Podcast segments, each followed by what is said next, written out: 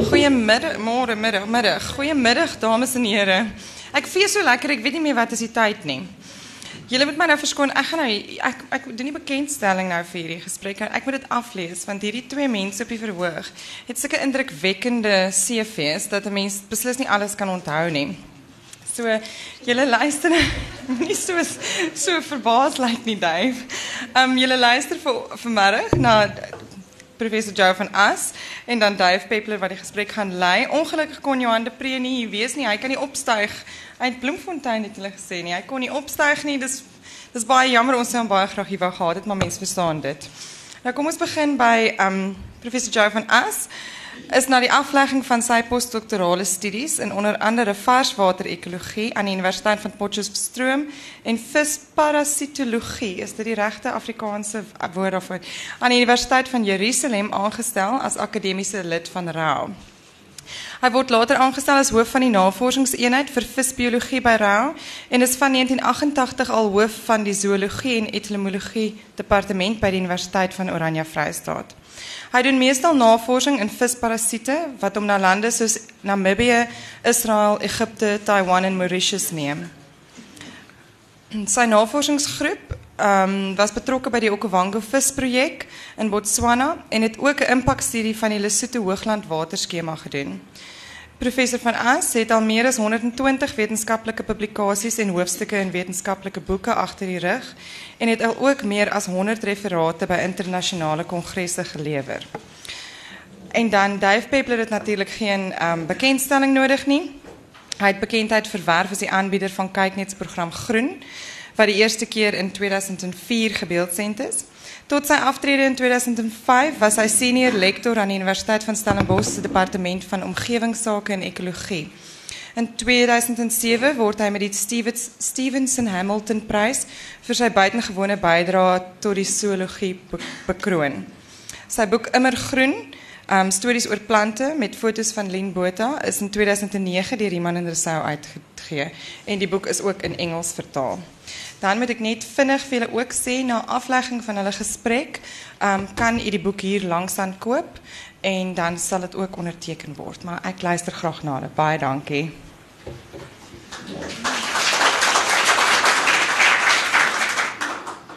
Um Joe uh, die um, ekoloog Wilson die nierman het 'n um, term gemunt met die naam van biofilie, die liefde vir die omgewing en eintlik die liefde vir die lewe.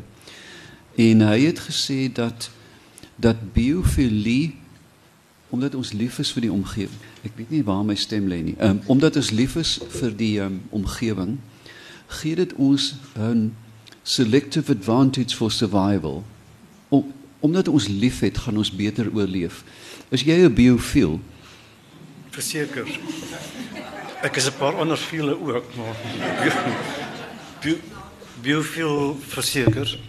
Ehm um, en en ek hoop dit is wat ek hoop dis wat ons kan regkry hiermee. Dis wat ek aan my studente oordra. Dis wat ons probeer regkry dat mense werklik ware liefde vir vir die omgewing het. En dan daai liefde moet mens kwalifiseer. Dis nie net jy's groen nie of jy jy hou van van diertjies nie. Dit moet 'n leefwyse wees. Jy moet jou leefwyse aanpas sodat jy kan ehm um, werklik waar die omgewing waarin jy woon verstaan ehm um, en en en be, be, en bewaar. Ja, dit dit dit kom by die ding wat hy in die ou kamp altyd sê, gee ding 'n naam en dan word dit jou besit. Want anders is dit dinge wat sit naam uh jy weet mos waarvan ek praat. So mense sê jy, jy weet mos wat ek bedoel. Dan sê ek nee, ek weet nie wat jy bedoel nie. Voor ons by inhoud kom, en ons weet nou dat jy biofiel is. Ehm um, iets wat my tref van die uh, Afrikaanse uh, weergawe van die boek is wat vir my ryk na baie moeite met terminologie. Want die wetenskap uh terme in Afrikaans is 'n baie moeilike ding. Ehm um, hoe het julle te werk gegaan om by woorde uit te kom? Sjoe, dit was maar gestoei. Uh, nie alleen was dit gestoei om die om Afrikaanse woorde te kry nie, maar mense moet nou onthou die boek word gedruk in la. En dan al wat gedoen is is die Engelse teks is dood eenvoudig uitgehaal, die figure het gebly waar hulle is En ons moes die Afrikaans inpas in presies daai spasie waar die Engels nou uitgeneem is en soos julle almal weet is Afrikaanse woorde langer ehm um, as Engelse woorde en as jy nou twee lang woorde na mekaar het dan is daar groot spasie oop. So die die, die hoe dit gewoonlik gegaan het die teks het teruggekom en dan die um, die uh, redakteur daaronder net gesê cut one line. Wat beteken jy skryf waar jy ding oor want jy kan nie net die laaste lyntjie doodtrek nie. So ons het regtig gestoei. Ons het gelukkig skit, skitterende mense gehad. Onthou dit is dis 'n spanpoging. Dis nie 'n een man uh, ding hierdie nie. Ons het skitterende mense gehad wat hierdie ondersteuning gegee het in MC Du Plessis spesifiek van wat 'n vryskut redakteur is van wat die stryk gebruik word was skitterend wat dit aanbetref en sy die konsekwentheid ook geneem want 'n mens kan woorde verskillende woorde gebruik en sy kon dit raak sien as daar in een hoofstuk 'n bepaalde woord gebruik is dat dit dieselfde so is reg deur die hele teks. So dit was 'n gestoei. Dit was ek dis hoekom ek op 45 grys is. Ja. Nee, 'n mens dink nou as jy wil geld maak dan moet jy nie eers bodder met Afrikaans nie want dit verkoop minder. En tog het julle dit. Ehm um, en ek dink hierdie is werklik 'n template vir toekomstige wetenskaplike publikasies in die natuurwetenskappe ten minste nie in fisika nie. Die probleem met met die beskrywing van Afrikaans dink ek lê ook omdat Afrikaans so idiosinkraties is uh, wat wat eintlik nie saam met die wetenskap gaan nie, weet want mense wil sê ek weet jy kan nie jou ma se hare in in wetenskaplike taal omsit nie, dit bly net jou ma se hare. Maar ehm um, veral in die Kaap. Maar ehm um, Edward Witten wat um, in die in die kernwetenskap belangstel is nou besig met hierdie string theories van parallel uh realiteite. En hy sê dat wat hy sien is so vreemd dat hy 'n nuwe taal moet ontwerp om dit te kan beskryf. En die wetenskap is ook so dat dit veral jy wat in parasiete in goed belangstel as jy onder die mikroskoop kom, is dit so vreemd dat jy dit byna nie kan beskryf nie. En dan sit jy met hierdie dilemma van die nie ontoereikendheid nie, maar waar krap jy die Afrikaans daarvoor uit? Die hierdie hele ding het ontstaan juis omdat ons dit in Afrikaans wou doen. Ehm um, my professor was professor P. A. Ryke. En en hy was bekend daarvoor dat hy Afrikaanse teksboeke geskryf het en in in Afrikaans geskryf het. Daar's nou nog van sy sy boeke wat beskikbaar is. Ehm um, in Afrikaans. En dit is waar ek hierdie liefde aangeleer het. En ons het aanvanklik ehm um, ek het hy het nog geleef ons het ek het hom toe gegaan en hom gesê wat ons wil doen. En toe ek net daar en dan die erfgenaam geword van sy hele boekery. Ehm um, dit het ons 10 keer 10 ritte gevat om al die boeke weg te ry. En dan kon ek nou ook nie nee sê nie. Ehm um, hy is nou nie nie uh, lank daarna oorlede nie, maar dit het van van daar gekom. So die eerste hoofstukke wat ek geskryf het was in Afrikaans. So ons het uh, ons het meeste daarvan in Afrikaans gedoen voordat ons Engels gedoen het. Um, en natuurlik om kommersiële redes die Engels nou nou eers te verskyn. Um, dit is nou maar logies so die uh, uitgewers publiseer dit om geld te maak, nie om ak akademie te versprei nie. So hulle is in die, in dit vir dis 'n besigheid. Natuurlik, ja. En, en hulle sal nie 'n projek aanvaar as hy nie lewensvatbaar is nie. Absoluut. Ek het um, ongelukkig nie dieselfde voordeel as jy van so 'n wonderlike mentor gehad want ek het um, verlede Desember lui my telefoon een aand 10 uur en ehm, 'n um, krakerige stem vir my sê is dit David Peppler? Ek sê ja. Hy sê dis meneer van der Westhuizen. Ek sê wat daar's een van 70. Ek sê watter een? Nee, die een die een wat vir jou klas gegee het op skool. Hy's 97. Hy bel my die aand 10uur. Hy sê vir my, ek sê meneer van der Westhuizen, waarom gaan hierdie oproep? Hy sê dit gaan net om te sê dat dit is merkwaardig dat iemand so nutteloos soos jy ergens in die lewe gekom het.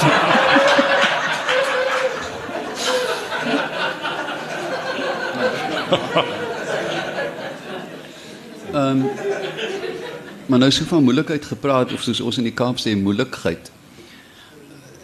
Die eerste vlaggie van moeilikheid wat ek in jou boek gesien het was hier om en by bladsy 30. toe jy nou van evolusie begin praat en dit bly 'n damn tamaletjie met die Afrikaner. Ja. Dit bly 'n ewige stryd. Um, ons het al bloedige gevegte op hierdie kampus gehad. Dit uh, inteendeel, daar is 3 jaar gelede op my gespoeg na ek 'n lesing gegee het. Jy weet hulle het my by die deur voorgekeen op my gespoeg wat ek toe as kompliment beskou het. Maar hoe het jy dit benader? Was jy katvoet dapper, moedswillig? Nee, ons het eh, die eerste lesing wat ek vir my studente gee, is dit gaan oor die waarheid. Dit gaan oor wat is realiteit en wat is nie realiteit nie. Daar is nie so iets soos 'n Kersfeesvader nie. Dis fiksie, dit bestaan nie. So ons werk met realiteit en met feite. Ehm um, ons het in 2009 het ons die EUFIS die 200ste ja, verjaarsdag van Charles Darwin gevier met 'n met 'n reeks van 26 lesings deur die jaar. En ons het die sale vol gemaak elke keer vir mense wat kom kyk. Het nou was ook gereeld geskryf in die koerante daaroor. En ek is net opgespoeg nie. Mense het my gedreig met die dood. Of telefoonoproepe van mense wat sê jy gaan hel toe. Ehm um, in die klas van ding so ons ons het voortdurend daarmee te doen Ehm um, en evolusie is so 'n wonderlike ding. Dit is so fantasties. Soos wat uh, Huxley gesê het toe hy Charles Darwin se se boek gelees het. Hy het gesê, "My God, why didn't I think of it?" Dit is so 'n wonderlike, pragtige ding wat wat die die Darwin het nie evolusie ontdek nie, hy het dit verklaar. En dit is wat dit so fantasties maak dat iemand hierdie ongelooflike biodiversiteit van ons dat ons dit kan verklaar. Ons weet waar dit vandaan kom. Ons lewe in fantastiese tye dat ons vandag weet waar kom ons sonnestelsel vandaan, hoe werk ons heelal en waar kom ons vandaan en waar kom die diversiteit van lewe op hierdie aarde vandaan. Dit is 'n 'n fantastiese tyd om te lewe om te kan werk aan aan so iets. Ek um, ek dink so baie aan ehm um, aan as mense vir my vra wat is vir my die mooiste Afrikaanse woord en dan is dit verbeelding. Ek dink dis my die mooiste woord wat ek ken om iets te verbeeld op watter vlak ook al en dan wetenskap. Science sê dit nie vir ons nie. Dit wat ons weet. Dis presies wat ons weet.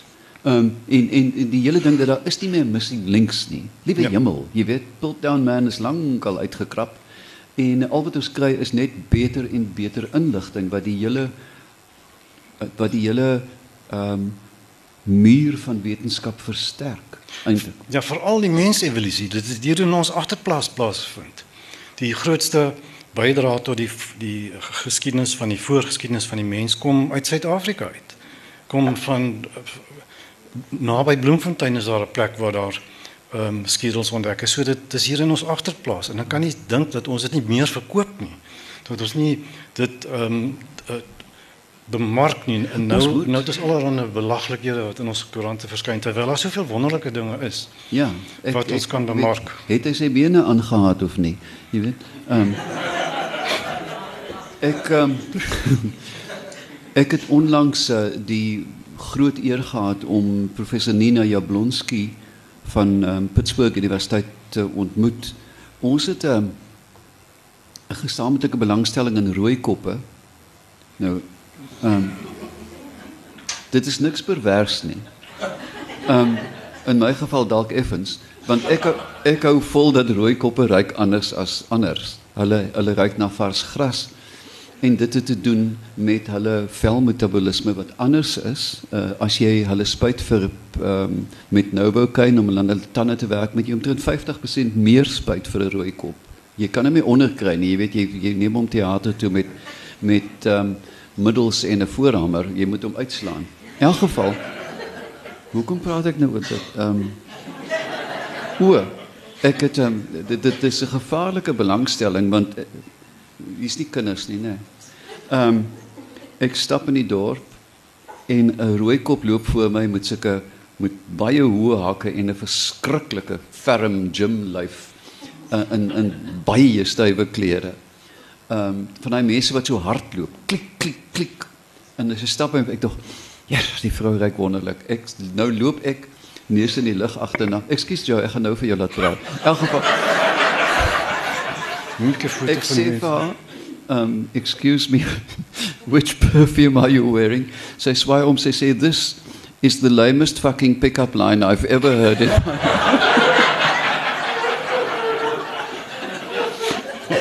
maar ek sal nou terugkom. Ehm um, behalwe Bloemfontein is daar nou uh, het Jablonski en Curtis McNean 'n fabelagtige stuk werk gepubliseer in Scientific American net die die het in Nature gepubliseer dat meeste van ons wat hier sit kom uit 'n grot uit Mosselbaai uit. Dit was die wig van tegnologie het hier ontwikkel hmm. met 'n konstante see uh wat uh, deur die seisoene heen uh al die elemente vir 'n verbreinontwikkeling gegee toe vertaalontwikkeling en hulle het toe wapens ontwerp die argeologie lê klokhelder van Mosselbaai na die Midde-Ooste. Ja. Dis dis daai uh, seekosse wat uh, stimulant was vir breinontwikkeling. Ehm um, en uh, ek sê altyd vir die studente ook dis uh, vleis ons voorouers het uh, aanvanklik Australopithecus het ehm um, hulle, hulle hulle was nie ver genoeg brein ontwikkel om projektiele te kon gooi nie. Net soos 'n 2-jarige kind nie 'n bal kan vang nie. Ehm um, en hulle hulle het van plantmateriaal gelewe en toe later van tyd het hulle begin agter troppe wild aanbeweeg en begin om om die wild wat doodgaan van natuurlike oorsake te eet. En toe het hulle begin die beenmerg eet en en dit dit het 'n groot sprong gegee en hulle kon die die lang bene van diere met hulle saamdra ehm um, in murg het boue gebly en kon hulle 3 4 dae later nog vir die kinders daarvan kos gee ook. En en dit was die groot ding. So as iemand 'n vegetariër is, dink weer, want jy probeer evolusie in trirad sit. Ons ons het vleis nodig. Ons is vleisetende proteïen etende diere. Absoluut. Maar as ons dit met respek doen, daarbey gesê vir die aarde.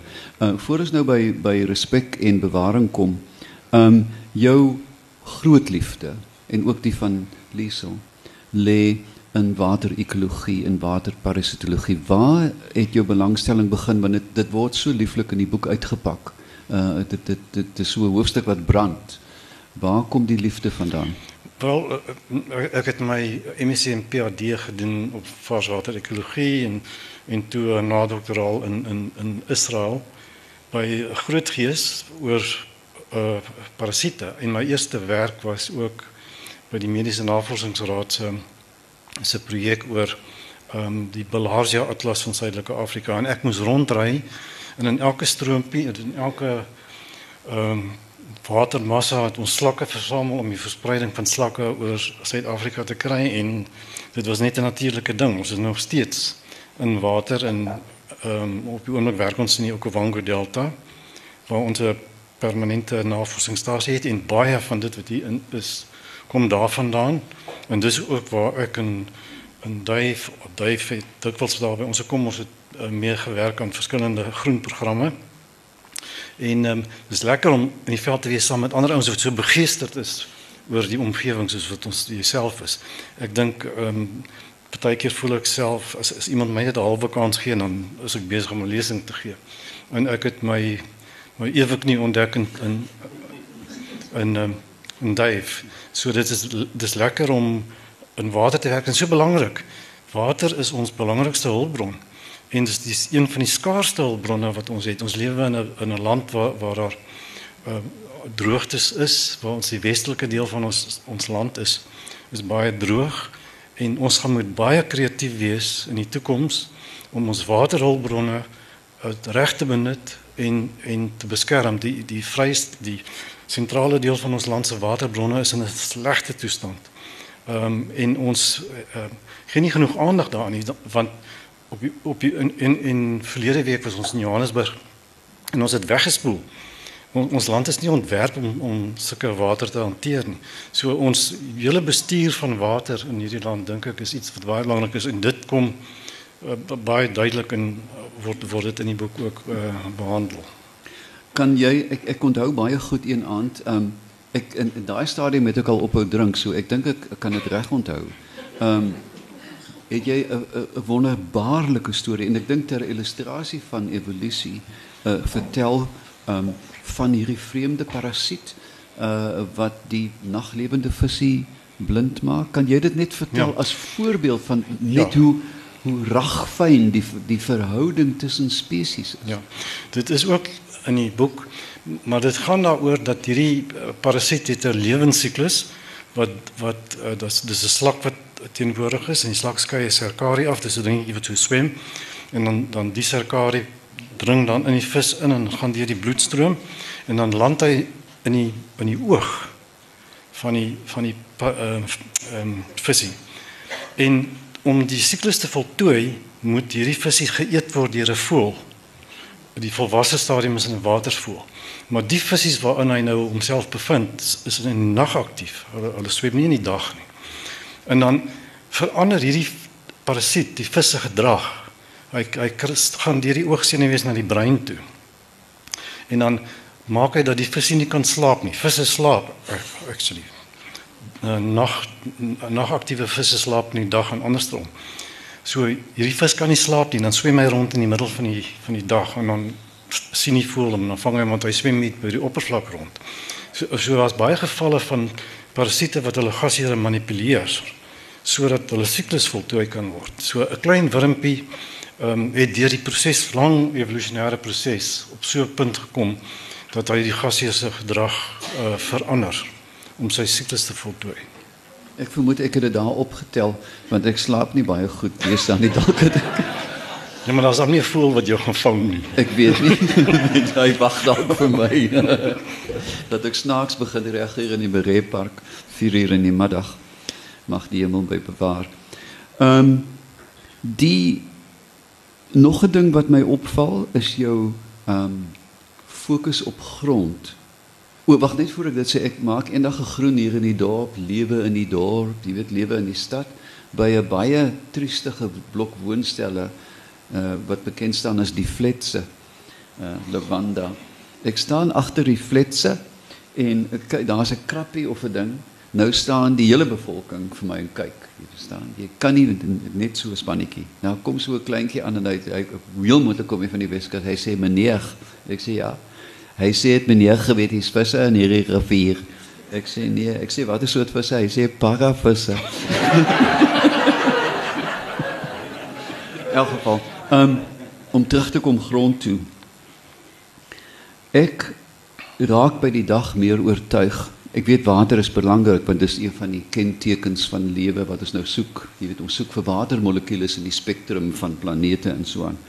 Maar ek wens ons kan 'n apparaat kry wat ook na grondmolekules begin soek want as jy hierdie wonderlike kontinent Wag, net ek net gou daar's nou nog 'n gedagte vir die volgende vraag. Uh jammer, ek is baie blond. As jy kyk na jy kyk na hierdie kontinent in die sigbare ligspektrum dan lyk dit soos Afrika.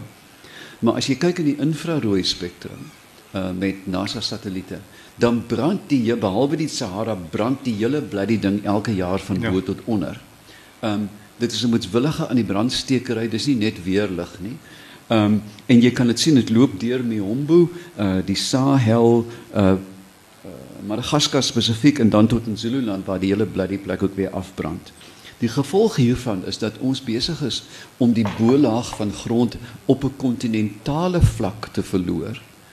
Um, dan kan jy net gaan kyk na die uh satellietbeelde van die Zambesi monding, die die grootte van die koraalribbe by die Zambesi mond wat nou deur sluk vernietig is, is 200 vierkante kilometer is dood van modder.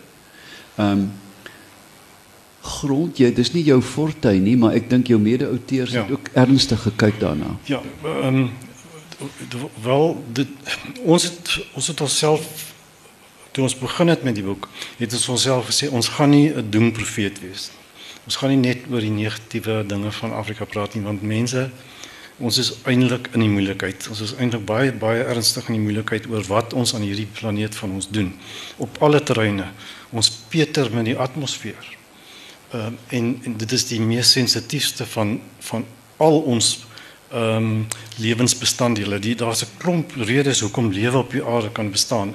En een daarvan is dat ons water in vloeistofvorm het en dat ons 'n atmosfeer het. Maar daai atmosfeer is verskriklik dun. As ons die aarde sou verklein na 'n bal so groot as hierdie tafel, dan sal die atmosfeer die dikte van hierdie vernis op die tafel wees. En ons peter nou daarmee met alles wat ons doen um, met gasse wat vrygestel word en so aan. En dan vernietig ons die grond. En die grond is is gewoonlik die laaste ding wat mense aan dink. Dis kom ons nou nie belangrik wees nie.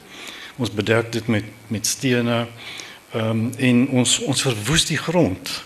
En die fauna wat in die grond woon want want 'n handvol grond bestaan uit nou ja, die organiese materiaal, dit bestaan uit silikon en aluminium, maar ook lewe. Daar's geweldig baie lewe in die grond en sonder daai lewe gaan lewe nie bestaan nie. Alles is afhanklik van mekaar en terloops. Ehm um, ek begin hoofstuk 7 deur te sê die aarde is die enigste plek waar ons weet water in 'n vloeistofvorm voorkom, maar dis nie meer waar nie. In die Europa, die die grootste planeet, ag die grootste maan van Jupiter daar is nou water ontdek op Jupiter. So was 'n maan. Dit dis 'n yslaag en onder die yslaag is daar vloei, vloeibare water. En ehm um, soos jy sê, mense moet nou mense moet anders te dan kyk. Hulle soek altyd vir water. Maar dis nie die enigste ding wat lewe maak nie. Grond is net so belangrik daarvoor. Want sonder daai grond gaan ons nie ehm um, lewensvorme op hierdie aarde en nie gaan ons nie kan lewe nie. En dit dit gaan nie mense sê altyd kom ons red die renoster, kom ons red die dit of die dat. Kom ons red die planeet. Uh uh. Ons hoef nie die planeet te red nie. Die planeet gaan nog 4.5 miljard jaar bestaan. Ons moet onsself red. Want as ons nie iets doen om ons omstandighede nie, gaan ons nie meer hier wees nie. Uh so so ons moet om die omgewing bewaar nie ter wille van iets anders te nie. Ons moet dit bewaar ter wille van onsself en die voortbestaan van ons eie spesies. Wat verseker nie nog uh, ek het vir my studente gesê toe die millennium draai. Julle moet 'n goeie partytjie hou want dit gaan die laaste keer wees wat mense die geleentheid het om om 'n millennium viering te hê. Uh as ons voortgaan op die manier wat ons nou voortgaan, die roekeloos te wees met met ons optrede. En dis wat die boodskap wat ons probeer oordra. Ons ons vertel die verhaal waar ons begin, waar kom ons vandaan? En dan hoe werk die wêreld? Hoe werk uh, ekostelsels, hoe werk bevolkings, hoe werk gemeenskappe en dan lewe in uh, die die interaksies van lewe en dan lewe in vars water, lewe op land, lewe in die see en dan oh, dan kom die mens. In hoofstuk 10 beskryf ons die geskiedenis van waar ons vandaan kom. En dan verwoes ons dit. As ons as ons nie oppas met wat ons doen nie, as ons nie met groot en dit elke individu moet 'n bydrae maak daarvoor. Die regering moet bewus wees daarvan. Ehm uh, en ek is bevrees meeste regerings is nie ingestel daarop nie. Dit gaan oor winsgejag. Dit gaan oor die uithaal van van uh, minerale en elemente wat, goed wat kan verkoop. Ehm um, en dan in hoofstuk die laaste hoofstuk gee ons 'n blik van die positiewe dinge wat al gedoen is. Die rehabilitasie van duine, die herstel van myne. Weet julle daar's platina myne wat 'n groot deel van hul begroting spandeer net aan die rehabilitasie van die skade wat hulle doen. So dit is eh, daar is mense en daar is maatskappye wat werklik waar hierdie dinge ter harte neem. So dit is nie negatief die hele tyd nie. Hmm. Ek is maar nou ja, dit is nou maar ek. Ehm um, ek onthou met met angs 'n onderhoud in 1994 met Bill Gates toe hy in sy vleuer was. En um, die onderhoudvoerder zei to meneer Gates, why are you successful? To say, oh, that's very easy to answer. I say, I am successful because the greed of my competitors is finite. Ek werk met onbeperkte gierigheid. Wel, hy het bekeer, hy het baie teruggegee. Ek gebruik nog Windows want hy uh, gee baie geld terug. Maar wat ons te maak het hier is onbeperkte gierigheid. En dan mens sien dit veral en dit is nou my groot probleem met Afrika op die oomblik want ek vlieg nou, jy weet, ek is besig om hard te werk aan my koolstofvoetspoor. Ehm um, wat by die dag al hoe meer reusagtig word. Ja, dit is verskriklik, maar ek sien elke dag wat onbeperkte gierigheid doen aan die kontinent en veral in terme van Chinese indringing. Ek was nou in Ethiopië waar die Mursi uh, en dit is nog 'n vraag wat ek vir jou wil vra die koppeling van biodiversiteit ook aan kulturele diversiteit. Maar ek wil net by die punt uitkom. Die Moorsi is daai vreemde mense met die klei lippe, die vrouens wat hierdie reuse lip het met die Nou die Moorsi bly al nou sover as weet so 3500 jaar daar in 'n baie klein vallei. Daar's nie baie 400 000 van hulle. En dit is langs die Omo vallei. Die Chinese het hulle eenvoudig uitgedonder. Hulle staan bo op die koppe, dronk, hulle verkoop hulle familiejuwele want die Chinese het suiker geplant waar hulle gebly het. En um, en dit bring my terug, jy weet ons ons moet na onsself kyk. Ons moet ook besef dat binne die menslike um, omgewing daar net soveel biodiversiteit is aan aan kultuur en gedagtes en maniere van omgaan met die omgewing. Ek ek hoop jy stem saam. Ja, verseker. Ehm um, en daar gebeur dinge in Afrika wat 'n mens uh, bang maak. Ons was onlangs in Angola gewees. En dit is verstommend om te sien oral trek daar rokies van mense wat wat uh, houtskool maak van groot bome. Al die groot bome is weg. Maar nou as jy nou 'n bietjie nader kyk, dan dan kom jy agter hulle het geen alternatief nie. Daar is geen ander middel waarmee hulle kan kos maak nie. Ehm um, die groot bome is klaar afgekap. So hulle maak houtskool. Hulle verkoop dit ook maar hulle gebruik dit as brandstof om hulle kos te maak. Want jy kry nie brandstof te koop van enige ander vorm nie. Die elektrisiteit is, is bestaan nie. Angola is 'n land wat olie produseer, maar daai rykdom filter nie deur na die mense toe nie. Dit verdwyn in die sakke van van enkele uh, ryk mense en en dan is dan is ons altyd baie geneig om te sê kyk wat doen hulle. Ja. En die rede hoekom hulle dit doen is hulle het geen ander alternatief nie. Ehm um, ons ons is maar ons sit in ons ligversorgde 4 by 4 en en ons kritiseer alles wat om ons aangaan. Ons besef nie ons is deel van daai probleem. Hmm. Ek ek kan eintlik nie meer saamstem nie. Ek ek het heeldag hierdie betoog. En ek weet dit klink uh blydend se man sê sal van hierdie stelling hou. Met sy met sy groot BMW. Ehm um, dat daar kan geen volledige bewaring in hierdie kontinent kom tot daar 'n herverdeling van van welvaart, nie rykdom noodwendig nie, maar van welvaart is. En wie de hel is ons om vir 'n mens wat sterwend van die honger is te vra hy moet enige iets bewaar? Ek meen hoe arrogant kan 'n mens nou wees? Hulle kan nie bewaar nie want daar is nie tyd nie, daar is nie vakansies nie, daar's nie yskaste nie. Elke dag is 'n stryd om jou en jou familie te voer. Jy kan mos nie met hoe bewaar. En en dit, dit bring 'n mens op hierdie binne mandala. Dit kom oor en oor by jou terug dat jy weet eintlik nie waar jy moet hoe moet jy die rykdom terugkry by mense wat absoluut niks het nie. Dit is regtig 'n groot probleem. Ja, dit is wat ons ervaar ook in ons werk in Botswana is dat vrouens spandeer 2 tot 3 tot 4 ure 'n dag net om water in die hande te kry. En wat ons nou doen, ons ek en Liesel neem studente op ekskursie en dan maak ons 'n 25 liter water kan 'n uh, emmer vol water dan sê ons vir die studente, "Oké, tel nou daai ding op, sit hom op jou kop." en en loop nou 'n entjie en niemand kry dit reg nie. Maar in Botswana is daar skraal tingerige meisies wat dit moet doen elke dag vir hulle vir hulle bestaan. Ehm um, en en dan het, het het ons baie kritiek oor oor hoe hulle die omgewing verniel, maar hulle voetspoor is baie kleiner. Hulle ekologiese voetspoor as wat ons van is. En en as wat die as, as wat die weste is is en as wat Amerika is. En as almal dieselfde lewenstyl of patroon het soos wat die Amerikaners dit het, dan gaan ons drie aardes nodig hê om te voorsien aan dit wat hier by ons is. Die mense in in Afrika se ekologiese voetspoor is eintlik baie klein. Uh, maar ons ons sien sekere dinge uh, raak soos die bome wat afgaan in, in Mosambiek en in Angola. Ehm um, maar ons ons gaan 'n bietjie verder en ons gaan vind uit uh, hoekom gebeur dit nie en is daar nie dalk 'n alternatief nie sou 'n mens met 'n met 'n klein poging van die kant van die regering sou 'n mens nie hulle kon wegkry van daai tipe bedryf af nie ja. ons aanvaar jy jy's doodreg ek uh, werk in ek wil nie meer nie want die, die kamp is nou vernietig deur die Lord's Resistance Army maar ek het lank in Suid Sudan gewerk in Nzara wat 'n dit is 'n absolute helhul dis waar die die tipe lokaliteit van die Ebola virus maar netlik vir iemand soos ek die hemel want die voëllys van die dorpie is 602 spesies vir die dorpie. Uh is stapel gek. Maar nou uh, bou hulle 'n 'n 'n brug. En ek en Chris Becker ry daar verby. Here, dis 'n snaakse plek. Wie as jy daar in die woud ry, dis reënwoud dan dan hoor jy sade daar maar daar rugby uitsaai. Dis net Suid-Afrikaners in die bos. TV's aan en satellietskryf. In elk geval. Nou loop hulle met jy ry ook net braai vir hulle vlieg die wors in. Maar in elk geval nou sit die spul daar, nou loop hulle met die klippe heen en weer.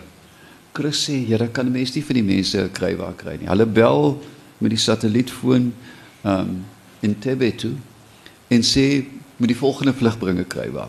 Hier kom die kruiwa sê kerels hier's 'n kruiwa. Hulle pak die hier hulle kom hier aan hulle hulle kom aan hulle sê daai ding werk nie. Hulle sê die die twee wat agtervat. Hy sê maar die ou wat voorloop met daai kruiwa.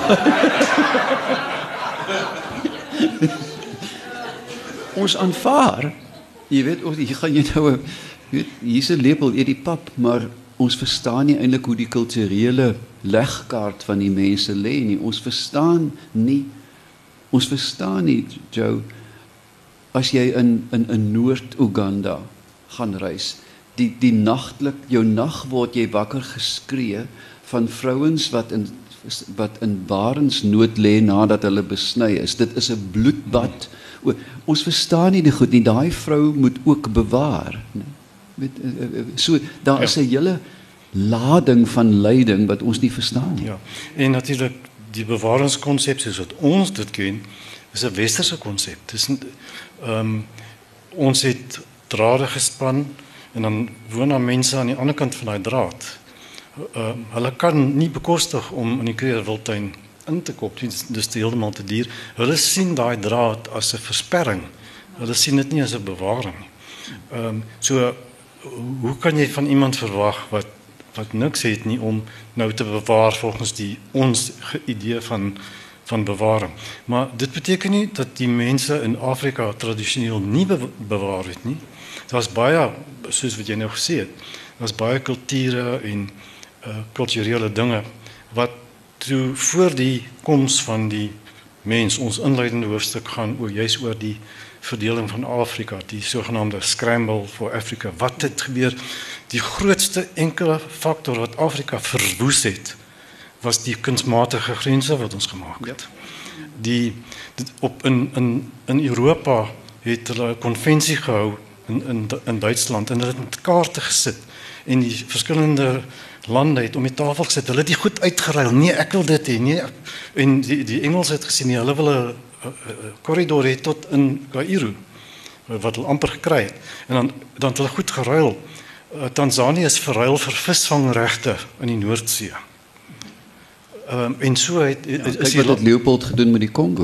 Presies. En die Kongo, die Belgiese Kongo was nie gegee aan aan België nie. Dis aan Leopold gegee. Dis aan 'n man gegee, die koning van dit, dit was van, van België. Ja, wat 'n groot tuin in Afrika.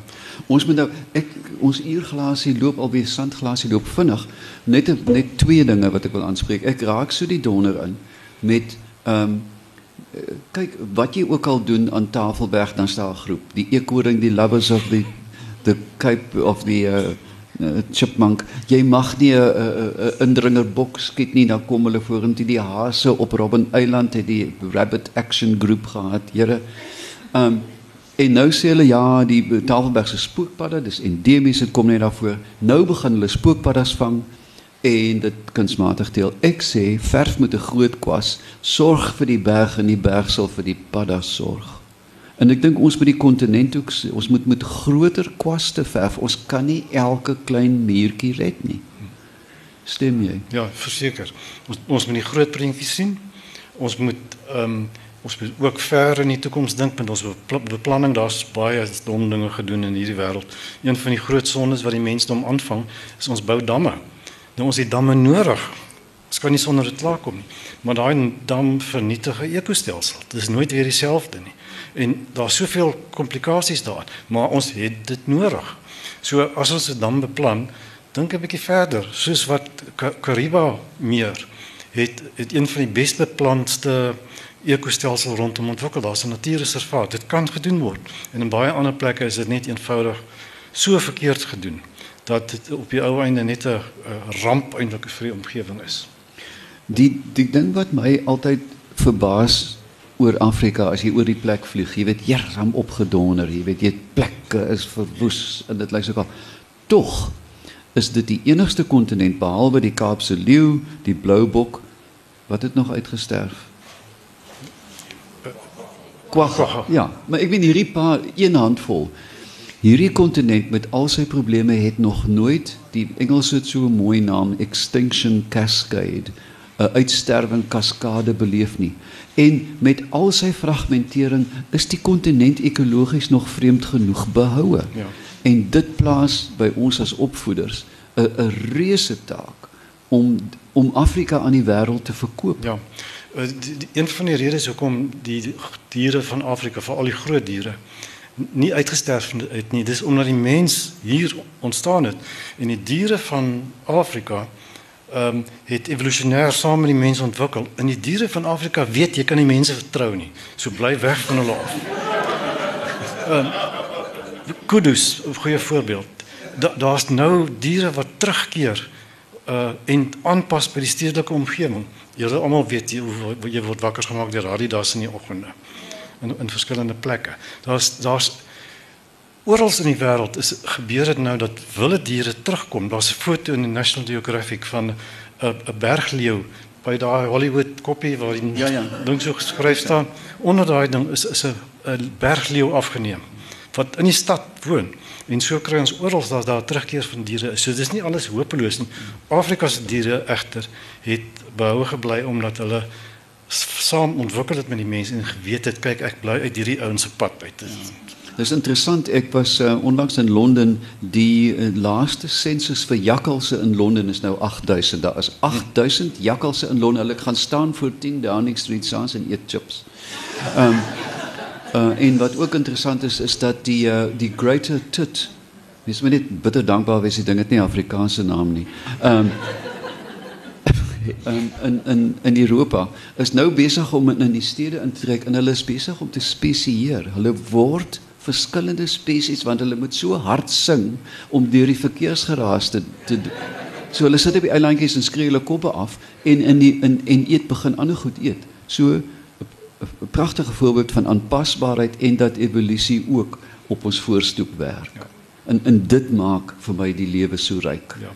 En miskien ek weet nie hoe ver ons is nie, maar ehm um, ons moet net dit besef dat alle spesies sterf op een of ander stadium uit. Geen spesies lewe onbepaald. En die mens ook. Ons is 'n spesies ehm um, wat vir baie langer leef as meer, baie ander spesies tot dusver. Omdat ons aangepas het om ons omstandighede te kan verander. Maar daar's 'n perk daaraan. Ons kan dit nie onbepaald doen nie. So ons moet nou begin vooruitdink om te besef dat hierdie habitat wat ons het, dis al wat ons het. Daar is nie nog ergens elders iets anders te nie. Daar's nêrens omheen te gaan nie. So ons moet wat ons het, hierdie hulpbronne wat ons met ons met ons het, waarvan daar baie is, moet ons beter bestuur. Ons ons moet almal die gesindheid kweek dat ons bewaar en nie net ter wille van omdat dit mooi is nie. Ons moet baie keer dinge doen wat bietjie ongerieflik vir onsself ook is. Uh ten einde seker te maak dat ons omgewing goed genoeg gaan wees om om mense wat na ons kom nog steeds te kan kan akkommodeer. Ek dink dat uh, mense besef altyd jy kan as jy nou 40 Chernobyls en 17 atoombomme op die aarde gooi, gaan dit nie die einde van die lewe op aarde wees nie, maar dit gaan die einde van lewe wees soos ons dit ken. En ons moet veg vir die wat ons weet ons het, nie wat hoe dit mag lyk nie. Ek dink ons moet ook nou oopstel vir vrae. Ons het 'n uh, 10 minute oor as iemand beledigings, sarkasme,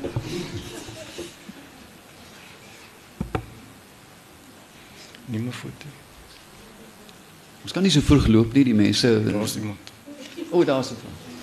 Ek dink altyd dat as mens uitsterf, dan sal die planeet gered word. Maar teen die tyd dat ons uitsterf, is die planeet nie al so opgevoes dat daar anders oorbly. We- Hierdie planeet van ons het al 5 keer in die verlede massa uitsterwings gebeure gehad waar 'n meteoriet die 65 miljoen jaar gelede die, die het al die dinosouriërs uitgesterf nadat 'n komeet 10 mi- ki- eh, kilometer in deursnee die aarde getref het en daai komeet se spoed was waarskynlik 90 uh kilometer per sekond.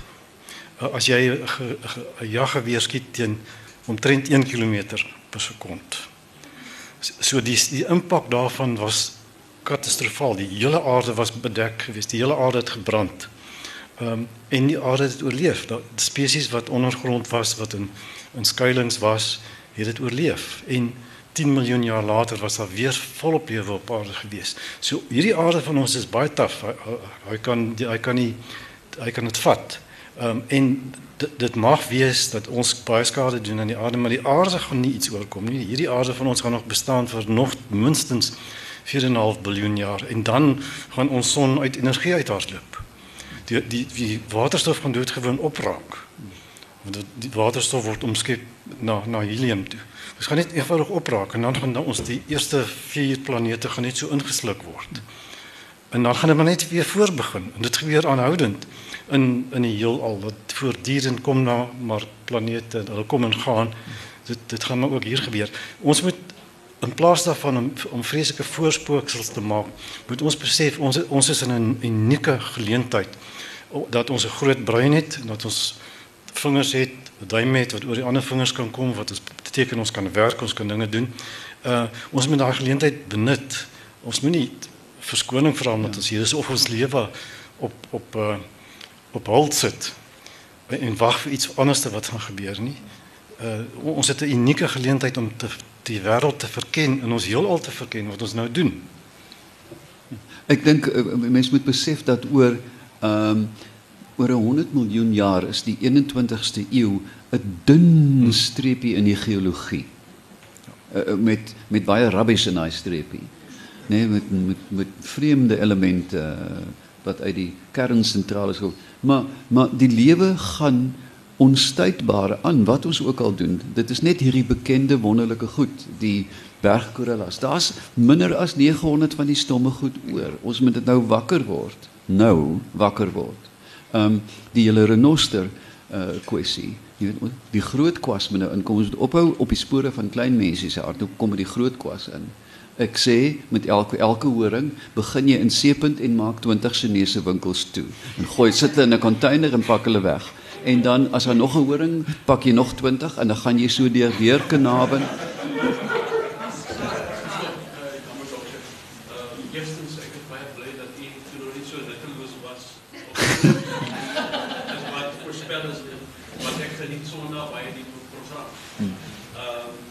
Tweede is ek is so bly dat nou intelligente mense tegenkom wat bewus is van die uh, Chinese wat so negatieve invloed op ons land het. Ja. Want jy kan na enige klein dorp in ons land reis, uh, die sal daar as Chinese winkels kry.